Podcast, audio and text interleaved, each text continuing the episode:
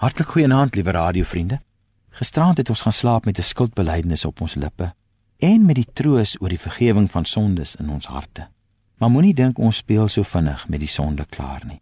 Ons mense kan ook nie. Dit het God in Jesus gedoen. Daarom vra ek u dat u tog die ore sal spits en verder sal luister. Soos oor al die diepste raaisels van die lewe, gee die Bybel ook oor die sonde nie aan ons net verstandsantwoorde nie. As die Bybel oor die oorsprong van sonde praat, vertel hy 'n verhaal. Hierdie verhaal is nie 'n storie in die sin dat dit sommer 'n versinsel is nie. Dis in eenvoudige mensewoorde die verhaal van die verskriklikste tragedie wat ooit plaasgevind het. En as u nog sou dink dat dit sommer 'n storieetjie is, moet u tog by Golgotha gaan kyk hoe die seun van God lyk wat hierdie verhaal ernstig opgeneem het. Na die hoof bedek met wonde, die riet, die kleed, die doringkroon. U sien God het die mens gemaak, 'n vrye mens, Nie nog 'n onfeilbare God nie, maar 'n vriend, 'n kind van God. En toe hierdie vriende, die mense, 'n gemeene vyand geword, verraaiers, oorspeliges agter God se rug. Hulle kon die versoeking nie weerstaan nie. Sy het geneem en geëet en ook aan haar man gegee en hy het geëet. En toe dit bitter in hulle monde geword en hulle het weggekruip en gevrees toe hulle God se stem hoor. "Waar's jy? Wat het jy nou gedoen?" En al die eeue daarna Dis die verskriklike, het ons mense hierdie selfde dwaase pad geloop. En die vrou was mooi van aansien. Toe stuur Dawid boodskappers en laat haar haal en hy het gemeenskap met haar gehad.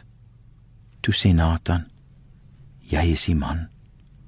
Waar is jy? Wat het jy nou gedoen? Kyk met smart sal jy kinders baar. Kyk die swaard sal van jou huis nie wyk nie, want jy die lewende God verag."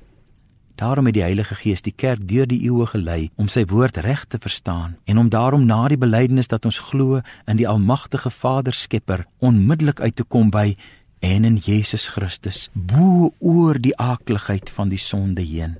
Daarom kan geen erediens ook halfpad eindig nie. Hoe sou ons tog kon omdraai en loop na die belydenis van ons sonde in die meneerklanke wat vertel hoe diep en hoe lendig ons is? Daarom staan ons na die vryspraak op Na die genadeverkondiging van die Godsgesand staan ons soos een man op en in die krag van God se Gees wat die kerk laat glo en laat bely sê ons saam met die kerk van al die eeue. Ek glo in God die Vader, die skepper van die hemel en die aarde en in Jesus Christus. Dan roep ons uit hel waar is jou verskrikking? Doderyk waar is jou angel? Wie voor God en mense opstaan en ronduit sê, vrymoedig sê ek glo in God, sal lewe al sterwe hy ook. En liewe vriende, daarom mag julle vanaand getroos gaan slaap met die enigste troos in lewe en sterwe dat jy aan Jesus Christus behoort.